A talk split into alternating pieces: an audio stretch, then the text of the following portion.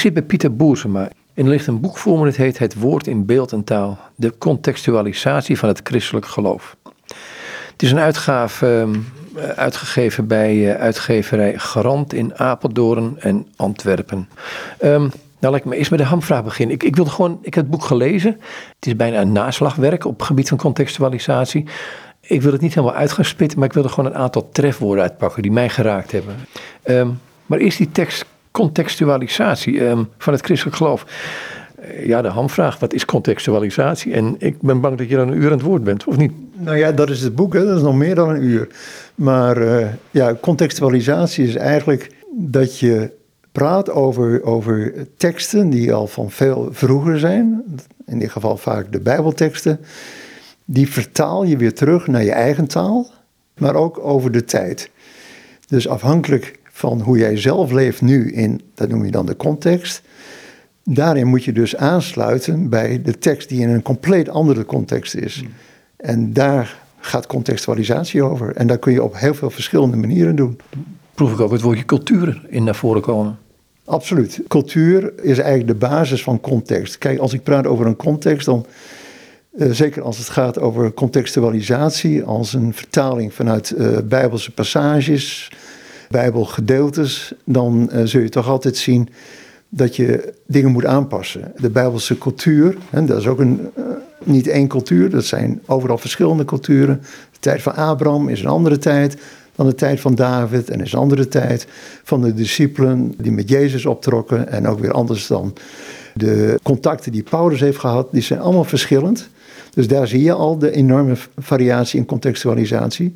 Maar als het gaat over de Bijbel, zit daar toch een bepaalde eenheid in. Die probeer je toch weer te vinden. En die probeer je dan weer naar je eigen context uh, te brengen. En dat gaat dan over culturen die misschien herkenbaar zijn, omdat ze dezelfde taal hebben. En daar heb je het al. Ook, daarom ook het woord taal in de titel van het boek.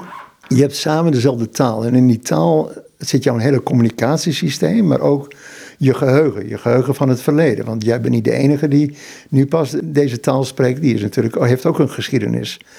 En je bent ook bezig ook al een beetje met de toekomst. Wat gaat de toekomst geven? En dat zit allemaal in die taal. En een bijbelgedeelte, die zal dan ook geprobeerd worden om in die taal tot stand te komen. Maar goed, het maakt natuurlijk groot verschil of je hier in Nederland woont uh, met, een, met een plat land, kleine heuveltjes her en der nog wat. Of dat je in een uh, rotsachtig gebied woont of in een eilandje in de Pacific. Heb je een andere taalschat, omdat je ook andere taal gebruikt. En daar zie je al dat hetzelfde natuurlijk ook gebeurt in de situatie van Bijbelverhalen. Dat een, uh, een herder uh, met schapen, een mooie model ook waar, waar Jezus dan vaak gebruikt. Dat kan dus ook compleet anders zijn in een ander land. Ik gebruik ook in de boeken bijvoorbeeld, bijvoorbeeld in Afrika, dat je de jongste kinderen die moeten zeg maar eh, op, op, op de schapen passen. En de oudere kinderen die mogen voor de koeien zorgen. En dan het liefste willen ze zo snel mogelijk ervan af. Omdat het uh, hoeden van uh, schapen helemaal niet leuk is. Nou, in Nederland staan ze in een wachtrij als er een, sollicitatie is voor een uh, schaapherder. Goed, je hebt het over taal. Maar zelfs binnen één cultuur kan een taal een probleem zijn. Ik bedoel, als ik tegen jou zeg, uh, zin een kop koffie. Ik weet niet of we dan over hetzelfde hebben. Ja, de, dus uh, taal uh, heeft verschillende dieptes, zou je kunnen zeggen. Het is een gewone taal, wij praten met elkaar. We zijn allebei Nederlanders en uh, ik denk dat dan het woord koffie redelijk hetzelfde betekent. Zou ik in Azië zitten, dan, dan is die vraag die, die wordt anders. wil je koffie? Dan weet ik nog niet precies hoe en wat. Dus, dus daar heb je ook die culturele context, die, die is dan misschien helemaal nieuw. Daar zul je toch vooral gaan kijken. Dus dat is eigenlijk het eerste wat je ziet. Je ziet het gedrag. Hoe doen mensen dat? Als zij aan jou vragen: wil je koffie? Heb je misschien ook al even opgelet hoe die personen dat aan andere mensen gaan vragen en, wat het antwoord is. Dus gedrag is het eerste. Dat is het eerste wat we zien. Maar dat is nog niet cultuur. Cultuur, dus de taal, is veel dieper. Dus je moet ook, ook dieper gaan. Waar staat dat gedrag voor? Waarom doen ze die bepaalde dingen? En dat kost tijd. Dus dat is zeg maar de, het leren van een andere cultuur. Hoe die toch heel anders is dan je eigen cultuur. Het grappige is vaak als de eerste keer je dit soort exercities hebt, dat je dan ook merkt dat je heel veel dingen van je eigen cultuur misschien niet eens uh, begrijpt. Dan denk je, oh wacht even, waarom doe ik dat eigenlijk? Nog nooit over nagedacht. En dan kom je eigenlijk bij dingen als, als waarden. Er zitten bepaalde waarden in waarom je ook zegt van ja, daarom doen we dit. Dus zelfs een kop koffie kan te maken hebben met gasvrijheid.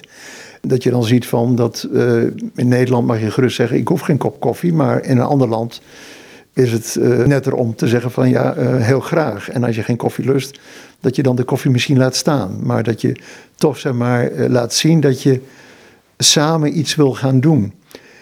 En dan duurt het even een tijd voordat je begrijpt dat zo'n aspect als koffiedrinken misschien bij de ene cultuur veel meer te maken heeft als een dingen samen doen. Een moment creëren waarin je ook, ook elkaar beter leert kennen. En in andere culturen is eh, koffie misschien om warm te worden. Heeft het ook te maken, hè, dat, dat proef er ook een beetje uit, is het, heeft het ook te maken met het feit, ik ga naar die context toe en die verschillende culturen, dat er een uh, manier is waarop ik kijk naar de andere cultuur. Ik heb een bril, een, roze bril, een groene bril, een rode bril. Heeft dat er ook mee te maken? En kan ik daardoor die andere cultuur wel zien zoals ze is?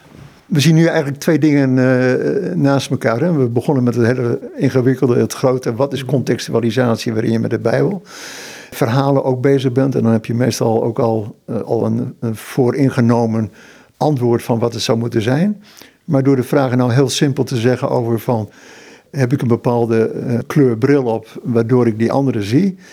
dan begrijp je misschien de persoon helemaal niet. Dan, dan is dat logisch. Uh, als een cultuur of als iemand tegen mij zegt van, ik kan uh, met alle culturen kan ik heel gemakkelijk overweg.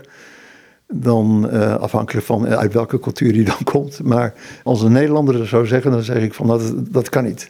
Je moet er eerst in wonen. Je moet daar onderdeel van zijn. Kijk, ik heb zelf het voordeel gehad dat ik in vier continenten in de wereld gewoond en gewerkt heb. Ja, 30 jaar buiten Nederland gewoond, waardoor je heel veel variaties ziet. En dan zie je ook, ondanks dat je daar veel van geleerd hebt, dat elke keer bij een nieuwe context moet je weer opnieuw gaan kijken van waar gaat het over? Dus je hebt wel meer ervaring hoe je moet vragen en hoe je moet kijken. Maar het is nog steeds je eigen bril eigenlijk die je op hebt, omdat dat jouw identiteit is. Je kunt niet je eigen identiteit wegzetten. Je kunt wel leren methodisch door te vragen van ja, uh, probeer eerst een, een, relatie te krijgen om over simpele dingen samen met elkaar te praten en daarvan te leren en dat kan zo groeien. Dat vraagt veiligheid, um, tijd voor elkaar, uh, ontmoeting in ieder geval. Ja, uh, absoluut. veiligheid, maar de praktijk van het dagelijks leven is natuurlijk dat je daar misschien helemaal niet over nadenkt, omdat het is omdat je iemand nodig hebt. Waardoor je dus veel meer druk kan uitoefenen. Of dat iets dingen in de weg zitten. Het eh, kan van alles zijn. Dus, dus meestal zijn heel veel contacten helemaal niet goed over nagedacht. Van ik wil nou de anderen meer kennen. Maar gewoon van joh, waarom heb je goede zo die rommel op straat? Waarom doe je dat? Misschien dat je niet eens naar kijkt dat die persoon er anders uitziet. Maar als het dan een blanke is, dan Nederlanders, denk je, dan zul je er misschien anders mee omgaan dan als die iemand een, een kleurtje heeft. Maar meestal kom je dan niet veel verder dan dat. En het kost echt tijd om naast elkaar te gaan zitten. Maar dan moet er ook van beide kanten een soort belang zijn. En zeker vandaag aan de dag, als je, het aantal migranten zijn natuurlijk erg veel. Dat ook migranten ook, ook tijd nodig hebben om jou ook te gaan vertrouwen. Wij kunnen gemakkelijk zeggen van nou, kom gezellig een kopje koffie samen drinken. Terwijl iemand van, die vanuit een ander land komt, die zegt van ja maar wacht even, wat wil die van mij? Is hij wel te vertrouwen? Maar hij kan wel zeggen dat, we een uh, open uh, debat willen hebben, maar misschien ga je dat gebruiken. Want ze zijn hier niet voor het eerst, ze zijn hier al een lange tijd en ze kennen erg veel verhalen dat dingen allemaal misgaan. En dan maakt er niet van uit van welke achtergrond je bent en welke kerk. Uh, ze kennen dat verhaal. Dus ze zijn daarin sowieso erg voorzichtig. En dat maakt het ook vaak frustrerend dat als je zeg maar in het gemakkelijke verhaal zeg maar, als we van die feesten hebben met mooi weer in de zomer. Ik hoop dat uh, als corona voorbij is, dat je dan ook weer. Dan zie je mensen die met hun eigen specialiteiten van hun cultuur en, voedsel bijvoorbeeld. Uh, iets uh, proberen uit te leggen. Dan kun je een gezellig babbeltje ervan maken en mensen zijn blij. En dan denk je van, ja, moet eens kijken, dat gaat toch goed? Ja, dat is goed, maar het is een eerste verhaal. Maar iedereen die draagt een heel ander verhaal met zich mee. En dat kan beide kanten op gaan. Het kan het, uh, zijn dat de migrant dingen niet begrijpt. Maar het kan misschien ook zijn dat die Nederlander zegt van... ja, maar wacht even, deze mensen die, die zitten eigenlijk op mijn plaats. Want ik ben werkloos. En moet je eens kijken, deze mensen hebben een eigen uh, handeltje en zo. Ik, ik, ik ben jaloers op hun. Dus al die dingen spelen allemaal een rol. Het boek heet uh, Het Woord in Beeld en Taal. En ik ga gewoon naar een aantal voorbeelden in het boek die je geeft. Hè? Een van de dingen die je zegt over context. En misschien kun je daaraan, aan de hand daarvan gewoon... Um, wat meer vertellen over wat het is, dan moet ik denken aan Ricci in, uh, in China, maar ook Paulus in Athene en Sint Patrick in Ierland heb je als, als um, voorbeeld genoemd.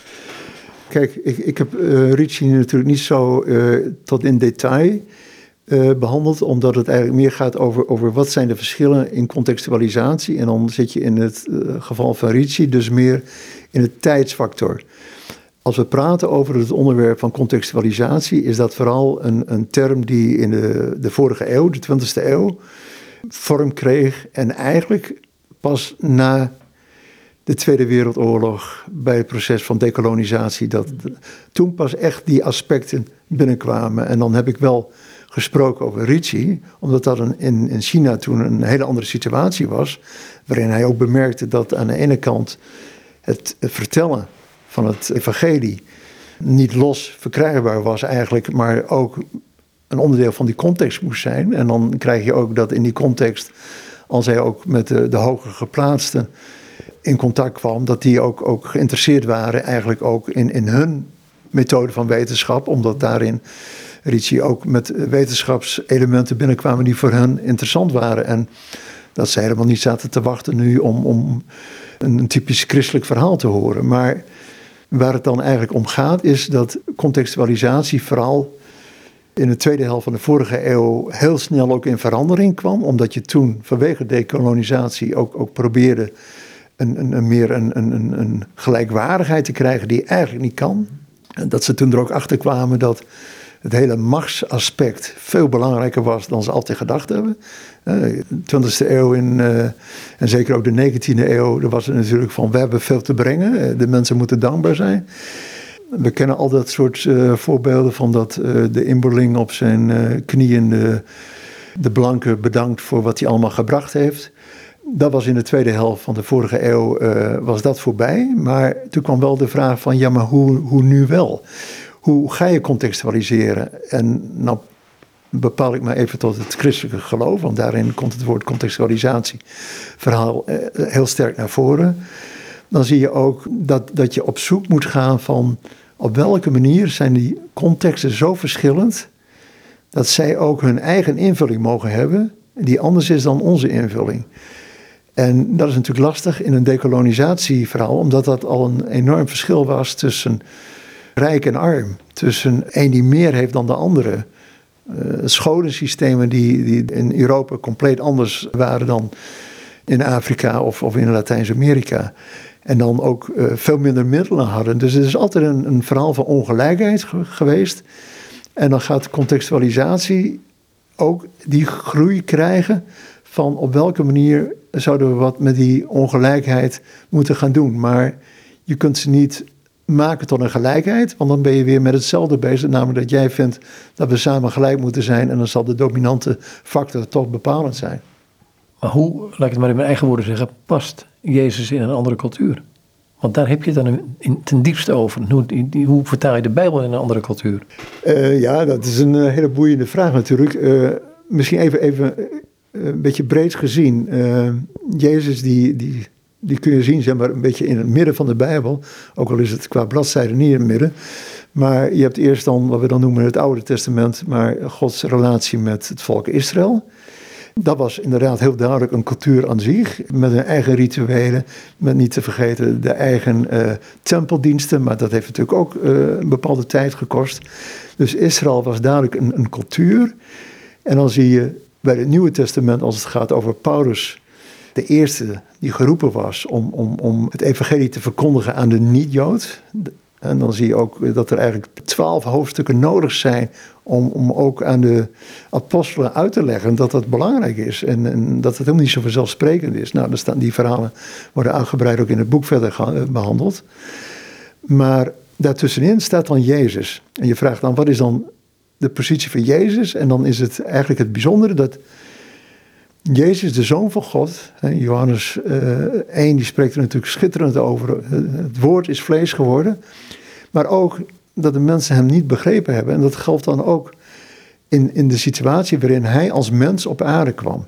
En dan zie je dat hij dus altijd in een Joodse context zijn verhaal heeft gedaan.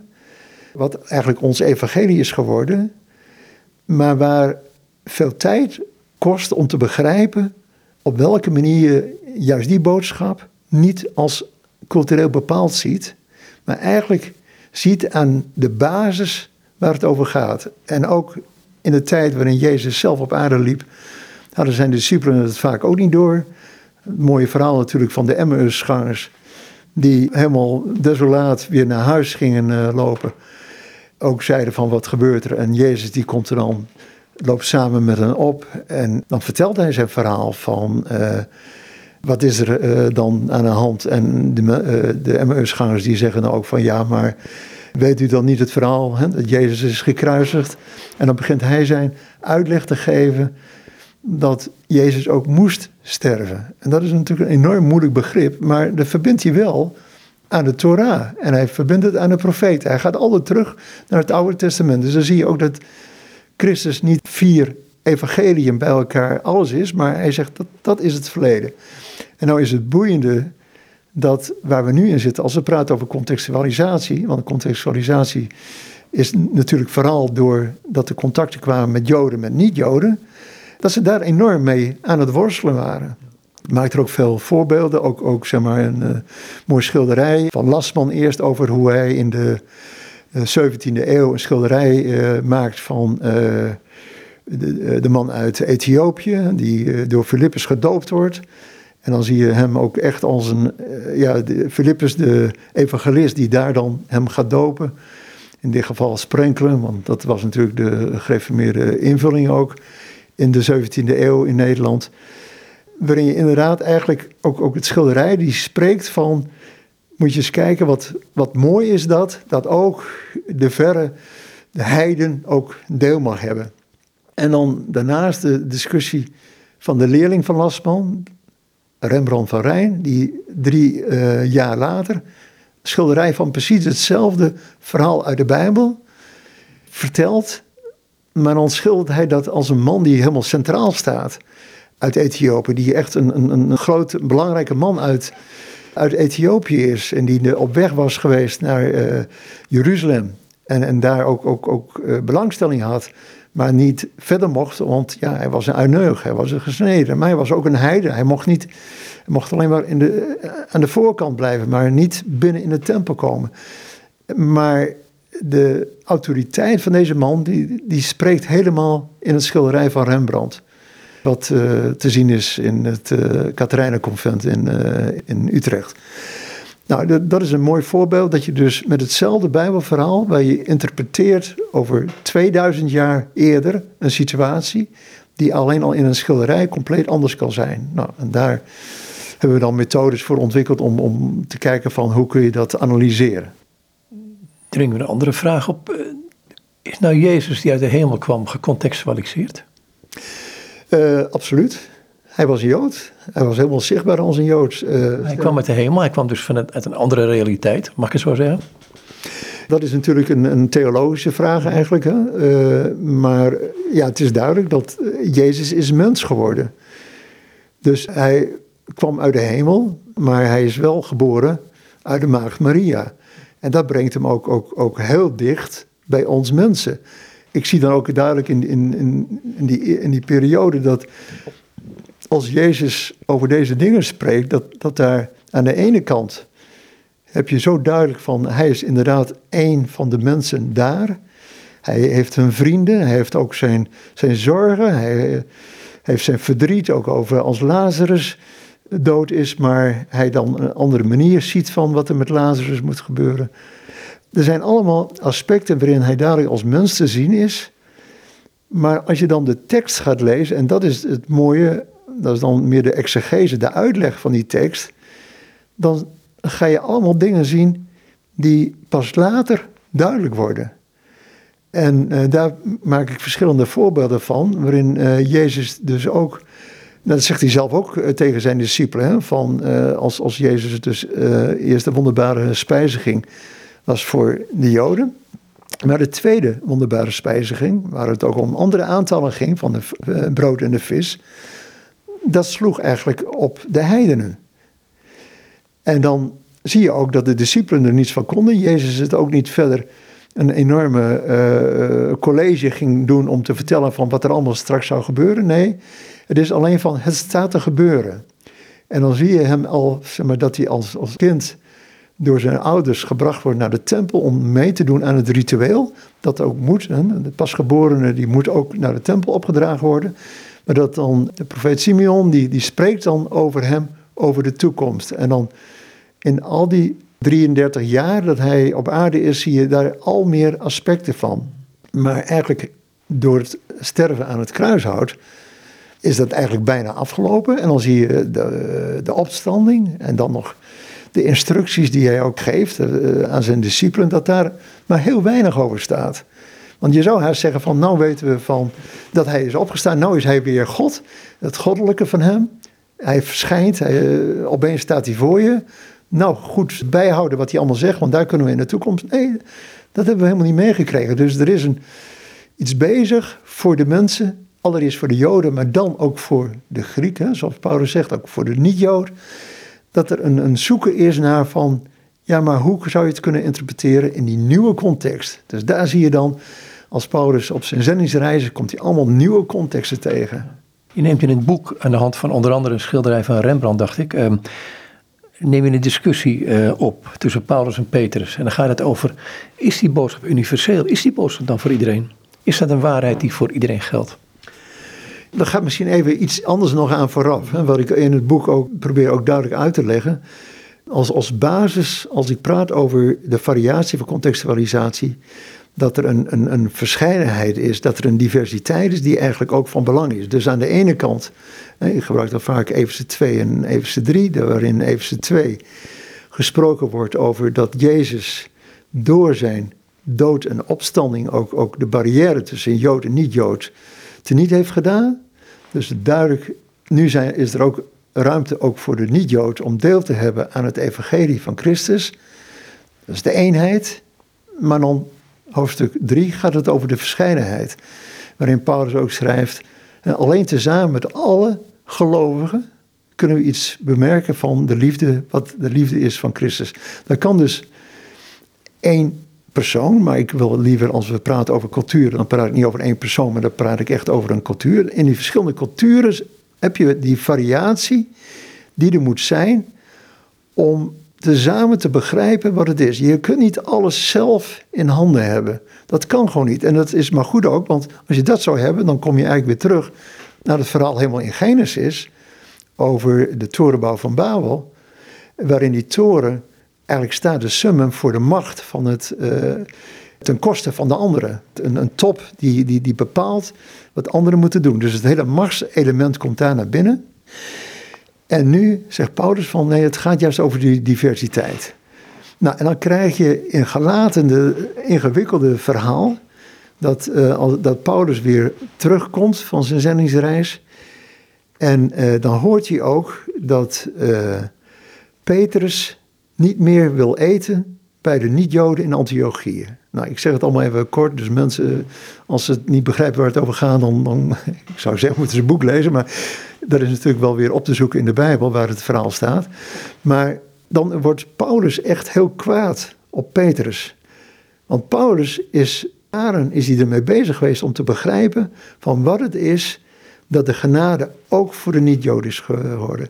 Romeinen schrijft hij schitterend over om aan te geven ook hoe moeilijk het is. Aan de ene kant heeft God wel het volk Israël uitverkozen, maar nou mogen de anderen er ook bij komen. En, en dat gaat eigenlijk via Abraham dan, de vader van alle gelovigen, heeft hij dan het verhaal.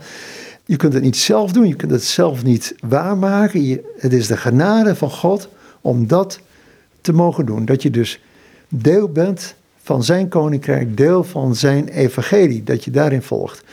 Dus hij is zo gefocust op, op, op, op die enorme opening van genade, wat het Nieuwe Testament voor hem is. Petrus, die heeft ook een enorme ervaring. Ze zijn allebei geroepen door Jezus. Hè? Jezus Christus heeft uh, Paulus op, de, op zijn weg naar Damascus ook geroepen. En Petrus is geroepen ook in het verhaal waarin hij in Joppe een, een visioen krijgt van een, een, eh, een zeil uit de hemel waarin ook onreine dieren in zitten en een stem uit de hemel zegt van eet. En dan zie je ook dat, dat Petrus ook, ook, ook daar enorm van, uh, ja, eigenlijk in de war is, omdat juist zijn cultuur, zijn Joodse cultuur is van dat je een van de kenmerken is juist dat je niet onreine uh, dieren gaat eten. Dat, dat, dat is een, een, kernpunt, dus, dus, dat kan helemaal niet. Hetzelfde is, want eh, wordt hij ook gevraagd door de uh, knechten van Cornelius. Dat is dan de man die zegt van wil je bij me komen? En hij gaat dan naar Cornelius en dan, dan heeft hij het volgende probleem al. Hij moet eigenlijk naar Cornelius, dat is een heiden, de, een hoofdman maar wel een die, die een volgeling van het Jodendom, waarin hij ziet van, waarin God dus voor hem ook centraal staat. Dan staat Petrus ervoor. Dus die moet over die drempel. Je ziet dan eigenlijk dat Jezus dat eigenlijk nooit gedaan heeft. In de tijd dat Jezus, heeft hij nooit, terwijl voor hem dat geen enkel probleem natuurlijk zou geweest zijn. Maar als, als Jood op dat moment was het eerst het verhaal duidelijk maken van, hier gaat het over. Maar nu is er ook door zijn kruisdood en, en opstanding, en hemelvaart is ook de ruimte voor de niet-Joods. En dan, Petrus die neemt dan die barrière eerst al van die onreine dieren. En dan gaat hij over die drempel. Dan gaat hij vertellen, vertellen wat zij meegemaakt hebben met uh, Pinksterdag. Dat daar de Heilige Geest zo aanwezig was. En dat de mensen in, in, in, in andere talen gingen spreken. En, maar als je dan dat leest ook in, in uh, Handelingen 10, dan, dan zie je eigenlijk dat hij het altijd heeft over wat zij als Joodse discipelen meemaken. En dan opeens zie je dat ook Cornelius en de mensen, zijn familie, de vrienden, de mensen die hij uitgenodigd heeft, opeens ook door de Heilige Geest benaderd wordt. En dan ziet hij van, ja, dus dit is eigenlijk het nieuwe. Zij horen er ook bij. En dat vertellen ze dan als ze weer terug zijn in, in Jeruzalem. Nu is dan, dat is een beetje een lang verhaal, maar toch om aan te geven waarom die problemen tussen Petrus en uh, Paulus waren dat Petrus toen toch eigenlijk al doorhad van als je meer mensen vanuit de heidenen, als die allemaal één zijn worden met de Jood, hè, er is geen verschil tussen Jood en Griek, dan ben je dus ook je basis kwijt van je Jodendom. Dan ga je dus ook samen eten. Maar dat kan ook betekenen dat je daardoor kwijt bent je eigen Joodse instellingen over wat je wel mag eten en wat je niet mag eten dan zie je ook dat de niet-Joden al meer gaan worden. Dat, dat groeit. Die zendingsreizen en andere dingen. Dus de Joden die, die kunnen ook tekort nemen. En die kunnen dan zeggen, oké, we gaan dan ook maar aan die andere kant. Maar hij ziet dan van, nee, juist die diversiteit, hè, die Eefse drie, samen met alle geloven, we moeten ook die Joodse diversiteit halen. En dan zie je dat Jezus heeft Petrus geroepen voor de Joden. En Jezus heeft Paulus geroepen voor de heidenen. En hier komen ze met elkaar in conflict, omdat ze niet alles begrijpen. De een was inderdaad voor de Joden, de andere was. Dus allebei hadden ze gelijk. Maar dan moet je dan niet zeggen van uh, ik kies die of ik kies de andere. Maar dan ga je dat interpreteren in je eigen situatie. Dus dan zou ook vandaag de dag zou je kunnen zeggen van bijvoorbeeld voor een migrantengroep, dat je zegt van ja, maar ik begrijp ook heel goed wat, wat Petrus daar deed. Ik moet daarin blijven bestaan. Ik, ik, Bijvoorbeeld in de, ik ben verbonden ook aan de ETF in, uh, in Leuven. Een keer ook een student gehad. Die was een pastor in een uh, migrantenkerk, een Armeense kerk. En daar was de, de situatie ook dat de mensen zeiden van... wij willen niet dat onze kinderen trouwen met mensen die buiten onze Armeense gemeenschap leven. En dat vonden Vlaamse en, Nederlandse studenten vonden dat eigenlijk toch uh, niet zo goed. Je moet samen als christen samen zijn. Maar hij kwam ook, ook met het argument, ik ga het lang verhaal maar even kort maken, die zegt van ja, maar wij zijn als, als Armeense samenleving in een verstrooiing. Maar wij zijn nog de enigen die de taal spreken die Jezus ook spreekt, het Aramees. En als wij nu ons gaan vermengen met, met de andere volken, dan is binnen een paar generaties is dat weg. Dus we hebben eigenlijk de opdracht van Jezus door al die, we zijn een van de eerste kerken geweest, dan moeten we blijven bestaan. Nou, die kunnen zich heel goed vinden bij Petrus zijn situatie, dat hij zegt van ja, maar nee, ik ga apart zitten. En zo kun je precies het tegenovergestelde, dat je zegt van ja, maar bijvoorbeeld voor Nederlandse kerken, grote kerken, als ik even kijk naar de PKN, waar ik zelf ook lid van ben, dan merk ik hoe moeilijk het voor ons als PKN is om, om, om meer toenadering te hebben met migranten. Dus uh, de afgelopen 10, 20 jaar is daar echt nog niet zoveel verbetering gekomen. En dan zou het goed zijn om eens wat meer naar Paulus te luisteren, precies wat hij bedoelt. En dan komt meteen ook al die vraag, maar dan moet je eerst wel zelf weten van wie je zelf bent. Dus dat is weer het verhaal van Petrus. Je moet weten wie je zelf bent in je eigen identiteit. Maar dan samenleef je in de Nederlandse samenleving. En je hebt wat voor, voor elkaar te zeggen. Uh, dat wil zeggen elkaar te helpen. Het is heel chockerend geweest voor heel veel migranten, christenmigranten die naar Nederland kwamen. Dat ze zeiden van ja, dit is toch een Nederlands, een, een, een christelijk land. Hier hebben wij onze broeders en zusters. Wat fijn, die gaan ons helpen. En ze kregen te horen van, nee, daarvoor moet je bij de overheid zijn. Loket, zo, zo. En die help je wel verder. Een enorme shock, want daar waren ze niet gewend uit hun cultuur. Nou, dan krijg je dus hele andere aspecten vanuit de Bijbel, krijgen dan ook, ook, ook een speciale uh, accent voor hun. En dat is prima. Want dat is die variatie die je ook nodig hebt. Dat je leert om niet samen één te zijn, maar dat je samen één in Christus bent. Eigenlijk betekent dat je divers bent. Dat je je diversiteit op een goede manier mee omgaat. Ik moet zeggen, ik, ben met vrij veel christenen uit verschillende culturen in contact geweest. En het valt, verbaast me altijd dat in Christus is er een eenheid. En nou, de verscheidenheid kan vaak niet groter zijn. Tegelijkertijd heb ik zoiets van. Um, bestaat niet de grootste vijand van um, bijvoorbeeld assimilatie? Het feit dat we allemaal hetzelfde moeten zijn, een beetje. Die eenheid in verscheidenheid is een hele mooie spreuk. Die moet je dus altijd weer uitleggen in welke speciale context is dat aan de hand. Dat betekent dus dat je dus ook eenheid gaat vertalen naar je eigen culturele context. En dan zie je inderdaad dat de dominante partij, in dit geval dan even, laat ik zeggen, de, de Nederlanders die hier al een tijd wonen, die zeggen van ja, uh, kom ga met ons en doe als wij. Dus dan is die eenheid eigenlijk een methode van om jouw eigen verhaal op boventoon te laten zijn. En, en, dat doen we natuurlijk eigenlijk ook al ongemerkt enorm. Ik bedoel, ik heb ook 18 jaar in uh, België gewoond. En dan zie je eigenlijk dat daar de scholen al, al veel meer gewend zijn om met diversiteit om te gaan. Sowieso al het verschil tussen Frans en Nederlandstalig. Maar ook, ook de variatie daarin is er veel duidelijker. Terwijl in Nederland er een, een, een duidelijke, gestuurd vanuit Den Haag, eh, Amsterdam zo, dit zijn onze toetsen die we moeten doen. Dit moet je halen, wil je geslaagd zijn enzovoort. Dat is zeg maar, zo'n patroon dat wij dan ook als, zeg maar, vanuit een christelijk perspectief ook zeggen van ja, dat heeft toch heel veel voordelen. Dus dan is dat onze cultuur ook, die eenheid, die past daarin. En dat heeft misschien het heel lang goed gedaan. Maar nu, juist vanwege de enorme variatie die we hebben, variatie laat ik dan maar even bepalen tot, tot migranten, die misschien al lang niet meer migrant zijn omdat ze hier al, al generaties lang wonen, maar toch vaak nog wel een verbinding hebben met waar ze vandaan komen, wat ze ook, ook, ook sommigen niet, maar anderen nog wel uh, heel belangrijk vinden om dat vast te houden.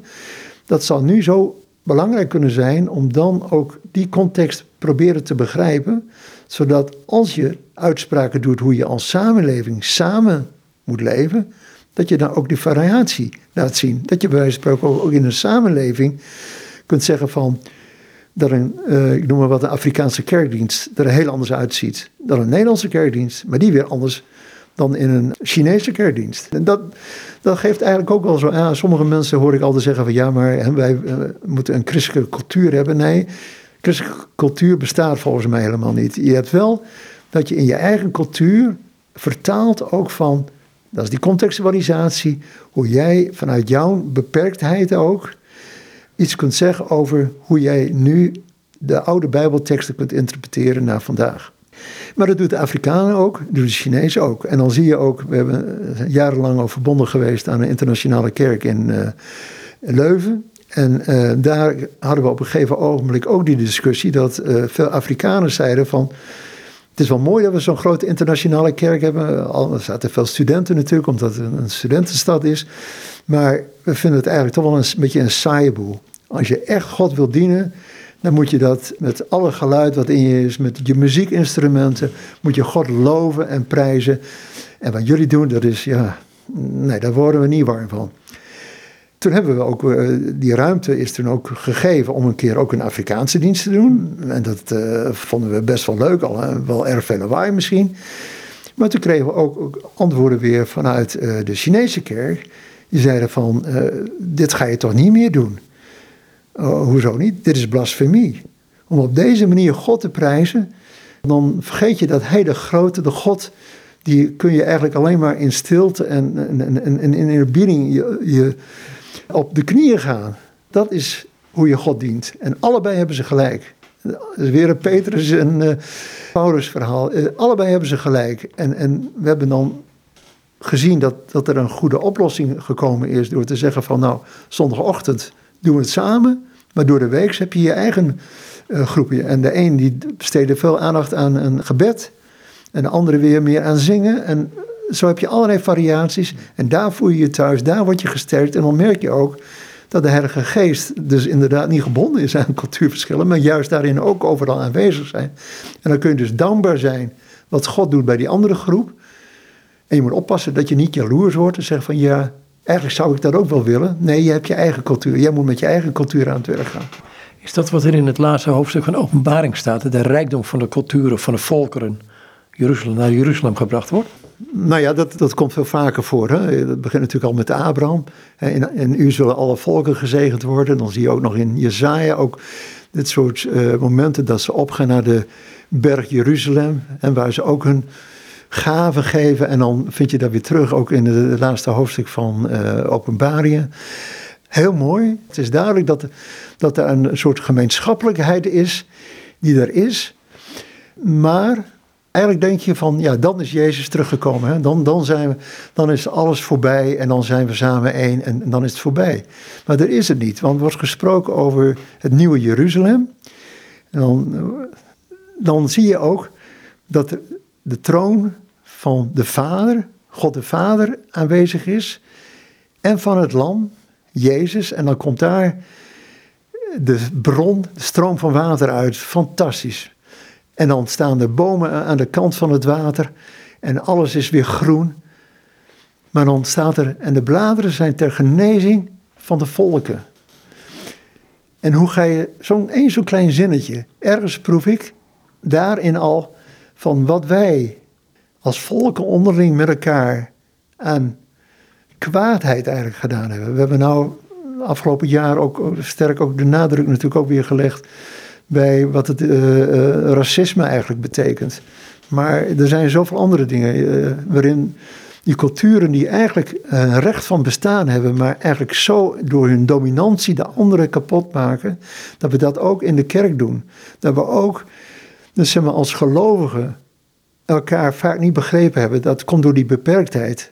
dat kan dus ook niet zo gemakkelijk opgelost worden. Maar blijkbaar is er in die nieuwe hemel en nieuwe aarde nog weer moeite, moet er nog weer tijd genomen worden om, om die dingen die we hier op aarde met elkaar gedaan hebben, dan in de nieuwe aarde, toch nog recht te laten trekken. En dat daar die bladeren voor genezing voor zijn. Ik noemde eerder een muziekinstrument. Ik ga naar Afrika toe, de drums, uh, India, sitar, prachtig instrument.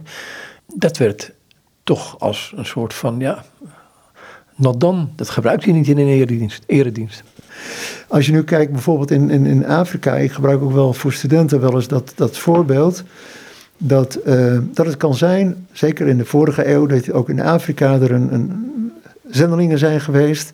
En dan hoop ik niet dat zij als zendeling hebben gezegd van je moet niet uh, uh, al die muziekinstrumenten moet je allemaal maar wegdoen, want die zijn uh, satanisch of wat dan ook. Nee, er zijn ook echt situaties geweest dat mensen zeiden van ja, we willen echt Christus volgen, maar dan moeten we de dingen wegdoen die van ons oude leven zijn. Dat betekent ook dat wij uh, djembe's gebruiken om onze muziek te maken, maar die is ter ere van andere goden. We communiceren met onze goden en dat willen we niet meer. We willen nu alleen maar Jezus volgen En daar hebben we genoeg aan Gods woord. Dan kan ik me voorstellen dat dat soort uitspraken ook een onderdeel is van hoe je je eigen cultuur probeert eerst even op een afstand te doen, om eerst te kijken wat het is.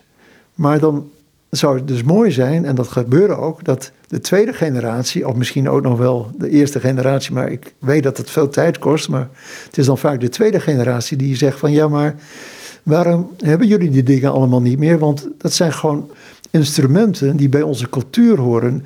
Uh, we kunnen daarmee communiceren, we kunnen daar zelfs verhalen mee over en weer doen als wij de, de djembe horen, dan gebeurt er wat in ons. Het heeft met ons te maken, maar het is wel van God. God is de schepper van hemel en aarde.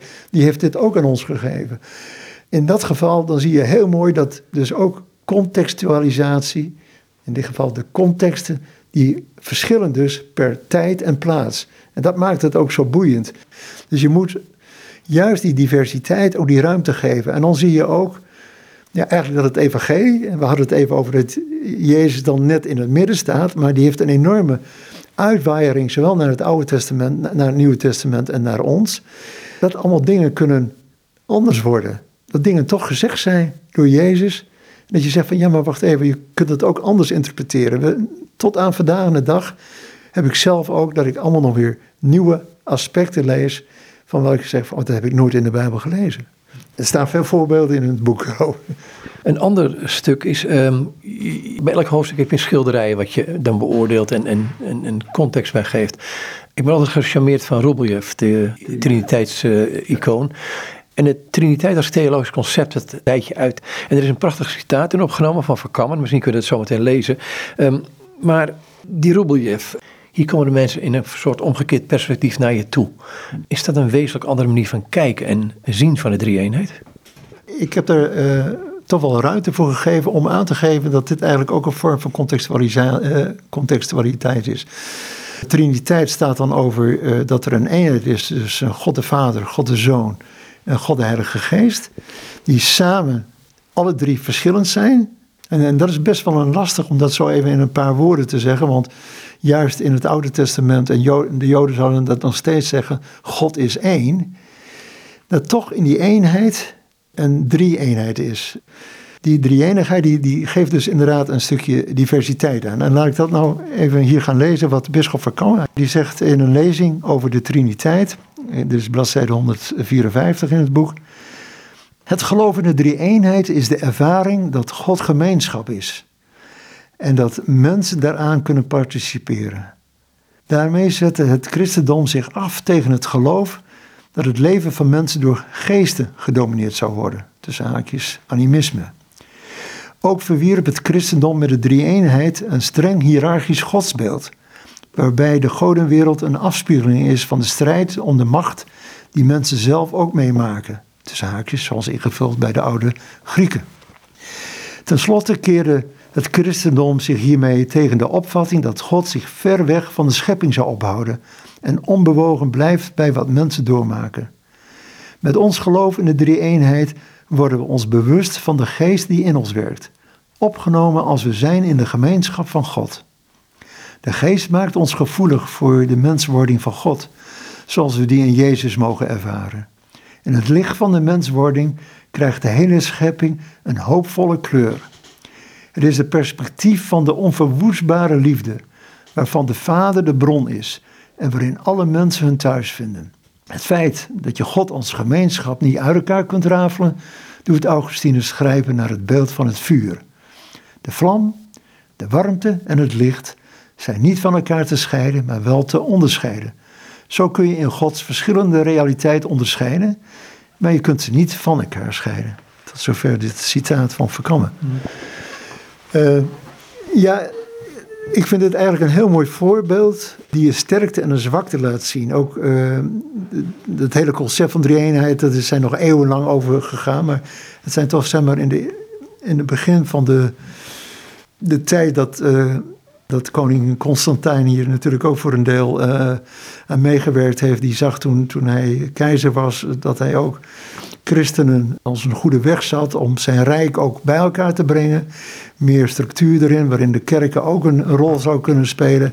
En dan krijg je zo'n heel lang verhaal op welke manier je dan kunt zeggen van wat is nou volgens Gods woord en wat is niet. Wat zijn Gods woorden en wat is niet van God en vormen van syncretisme met andere religies enzovoort. En dan zie je dat uh, dat een hele lange lijn is waarin ook soms uh, via allerlei uh, menselijke gebreken. Die eenigheid die blijft toch bestaan. En voor ons als protestanten is dat een tijd lang weg geweest eigenlijk. Maar in zeker de orthodoxe kerken, en dan praat ik over, niet over iets van Nederlands-orthodox, maar de echte orthodoxe kerken van Oost, van het Oosten, Russisch-orthodox, Grieks-orthodox, maar ook in, in, in Azië die kerken. Maar ook in de katholieke kerk, waarin de katholieke kerk het ook een continuum is geweest van dat het altijd uh, de drie-eenigheid een, een belangrijke uh, stelling eigenlijk is, een leerstelling. Want je kunt daarmee veel beter misschien ook uitleggen hoe het dan kan. Hoe God, schepper van hemel aarde, die, die onze schepper is, die zo ver van ons eigenlijk ook afstaat. Ook, ook uh, wat, waar we ook de islam natuurlijk in herkennen. Waarin we eigenlijk ook daarin dezelfde dingen zeggen. Dat, hoe herkennen we God? Wat zijn de dingen als barmhartigheid, goede tieren, al die woorden? Dat, dat kennen wij ook.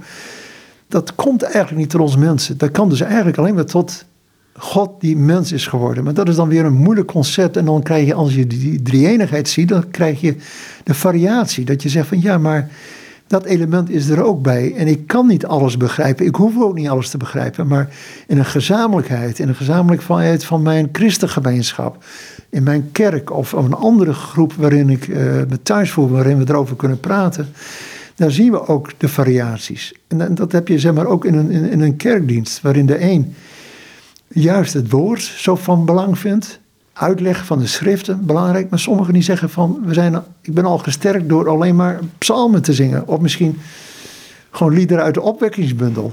En al die dingen zijn allemaal parten van. En je moet leren om die als gezamenlijkheid ook te gaan zien.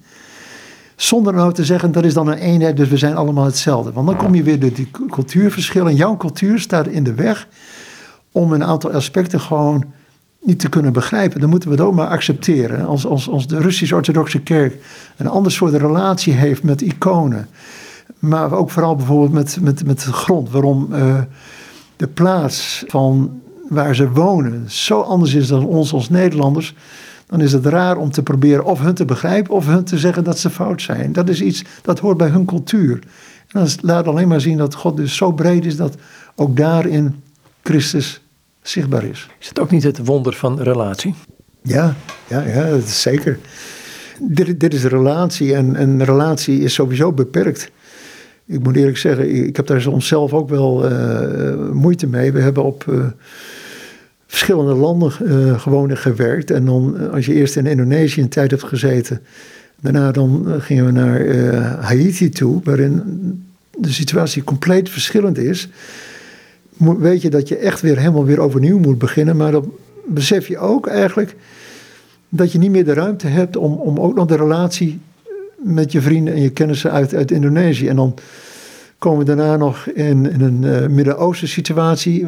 elke keer merken we ook dat we veel mensen hebben ontmoet, waar ook onze kinderen, ook, ook, ook vrienden mee zijn geweest enzovoort. Maar door die variatie, die mondiale insteek van ons, kunnen we dat dus niet doen. Dus dat mis ik dan, een soort relatie, een constante relatie. Maar ik kan dan weer zo'n boek schrijven en dan proberen een bredere concepten neer te zetten.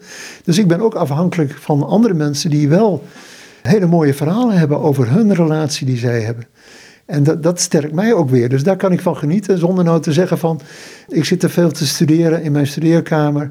en ik zou eigenlijk weer uh, gewoon veel meer met de mensen optrekken zoals ik dat vroeger ook deed. Nee, dat is, dat is ook weer een andere tijd. Ook een kraam op de markt gaan staan natuurlijk. Visverkoop, welke relatie? Ja, ja, natuurlijk. Maar goed, ik, ik, werk met migranten in Rotterdam en dat geeft me al handig genoeg uh, relaties daarin. Maar ik weet dat het dus erg beperkt is. En, en, dat, en als je het niet doet, dan, dan kun je andere dingen weer niet. En uh, soms, en ik denk misschien ook de, ik ben natuurlijk al met uh, emeritaat heet het dan, maar ik werk wel gewoon door aan deze dingen. Dan merk je ook dat de generatie onder ons daar nogal moeite mee heeft, die al die dingen ook allemaal wil. Maar dan vergeten ze dat ik er al uh, eh, 40 jaar mee bezig ben geweest. Dus je kunt dat niet allemaal. Dus pak maar iets en ga ermee aan het werk. Dat, dat is dan ook vaak het verhaal. Ja, het viel mij in dit boek ook op. Het, woordje beperkt kwam heel vaak naar voren toe. Omdat je, je, je besef steeds meer je eigen beperktheid. Maar ik heb het ook zoiets als ik uh, Lamin Sane wil ik even over praten. Dat is een Gambiaan, dacht ik. Ja. En die heeft mijn ogen wel geopend. Uh, maar jou ook, dacht ik. Ja, ja, absoluut. Dat is eigenlijk een beetje het, uh, vanaf de jaren uh, 70 van de vorige eeuw. 70, ja, toen was hij, ik heb hem zelf echt een beetje echt beter leren kennen al, al in de jaren uh, 90 eigenlijk. Dus dan was hij al, al, was hij al hoogleraar in Amerika en had hij al een hele lange weg gegaan. Maar als Gambiaan heeft hij ook, nou, zijn verhaal, zijn levensverhaal is zeker de moeite waard. Ik heb er inderdaad best wel wat ruimte ook voor gegeven, dus dat zal ik nou hier niet herhalen. Nou, je mag, mag het best even doen, want ik denk dat het heel verhelderend is op een aantal thema's.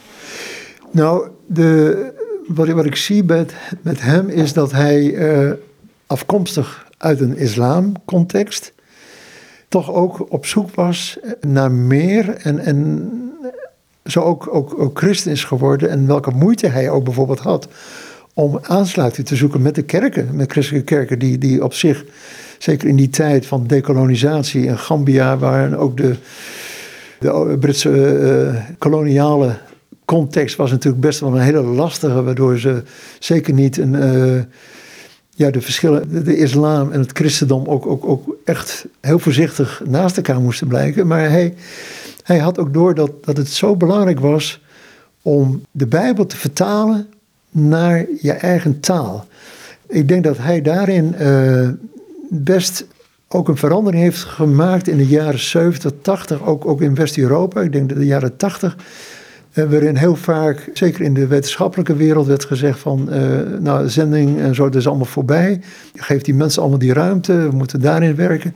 Dat hij, als, als iemand die uh, vanuit de basic is begonnen en een van de meest gevierde hoogleraren ook, als het gaat over, over, wereldreligies enzovoort, zegt van, wat mij zo aangesproken is, is dat ik helemaal niet zo kritisch ben op al die zendelingen, want ik heb namelijk bij hun dingen gezien die voor ons zo belangrijk waren. Er werd eigenlijk gezegd van je moet naar de Engelstalige scholen, dan heb je betere toegang. En eigenlijk was het nog beter om verder te studeren natuurlijk in Engeland, dat is het beste.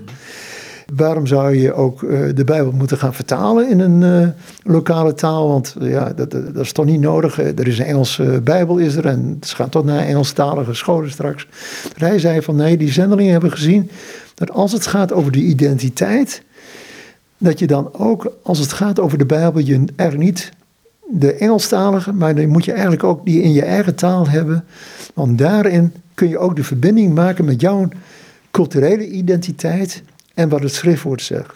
En dan zie je dat hij ook zegt van deze mensen die hebben notabene heel veel ervoor over gehad om naar de dorpen te gaan. Ook met de kans dat uh, op, op, op uh, sterfte enzovoort, maar dat ze gewoon samen met de lokale bevolking als kind eerst de taal hebben moeten leren. Nou, de Sil Instituut is daar natuurlijk ook een belangrijk. En Wycliffe Bijbelvertalers zijn daar ook mooie voorbeelden van. Hoeveel tijd het kost om echt ook die andere cultuur te leren begrijpen. Maar je zegt van, daar hebben ze het voor over gehad. Maar dat heeft ons ook weer gebracht dat wij nu zelf in onze eigen context onze Bijbel hebben. En dan zien we opeens ook dat wij andere verbindingen kunnen maken met bijvoorbeeld uh, handelingen met de eerste christelijke kerken dan zie je opeens dat Afrika een andere lijn gaat krijgen. Niet alleen maar de lijn via kolonialisme naar Europa, maar ook de lijn met de christelijke kerken in Noord-Afrika voor eeuwen. Ik heb nog een, ongetwijfeld nog een heleboel vragen, maar de tijd zit er een beetje op. Um, een beetje flauw om te zeggen, vind ik dat altijd. Um, dit boek bestaat in wezen uit een aantal lessen die jij gegeven hebt op de Universiteit of ETF in uh, Leuven. Ja. Ja, klopt. Dus al een aantal jaren in, in, in de masterscursus is dit uh, gemaakt. Ook, uh, of dit boek niet gemaakt hoor, maar uh, er zijn er een, een twintigtal collegeuren gebruikt voor contextualisatie. Het begrip. En toen zeiden ze ook van, dit willen we eigenlijk, want het is zo veelomvattend. En ze krijgen natuurlijk best wel genoeg andere boeken om daar ook allemaal aspecten van. Maar wat is het? Maar er was ook vooral ook de vraag dat ze zeiden van wat ons ook zo interesseerde, want we zijn natuurlijk, we weten best wel wat van contextualisatie. Maar we, we zagen in elk hoofdstuk, elk uh, collegeuur, had ik dan een schilderij.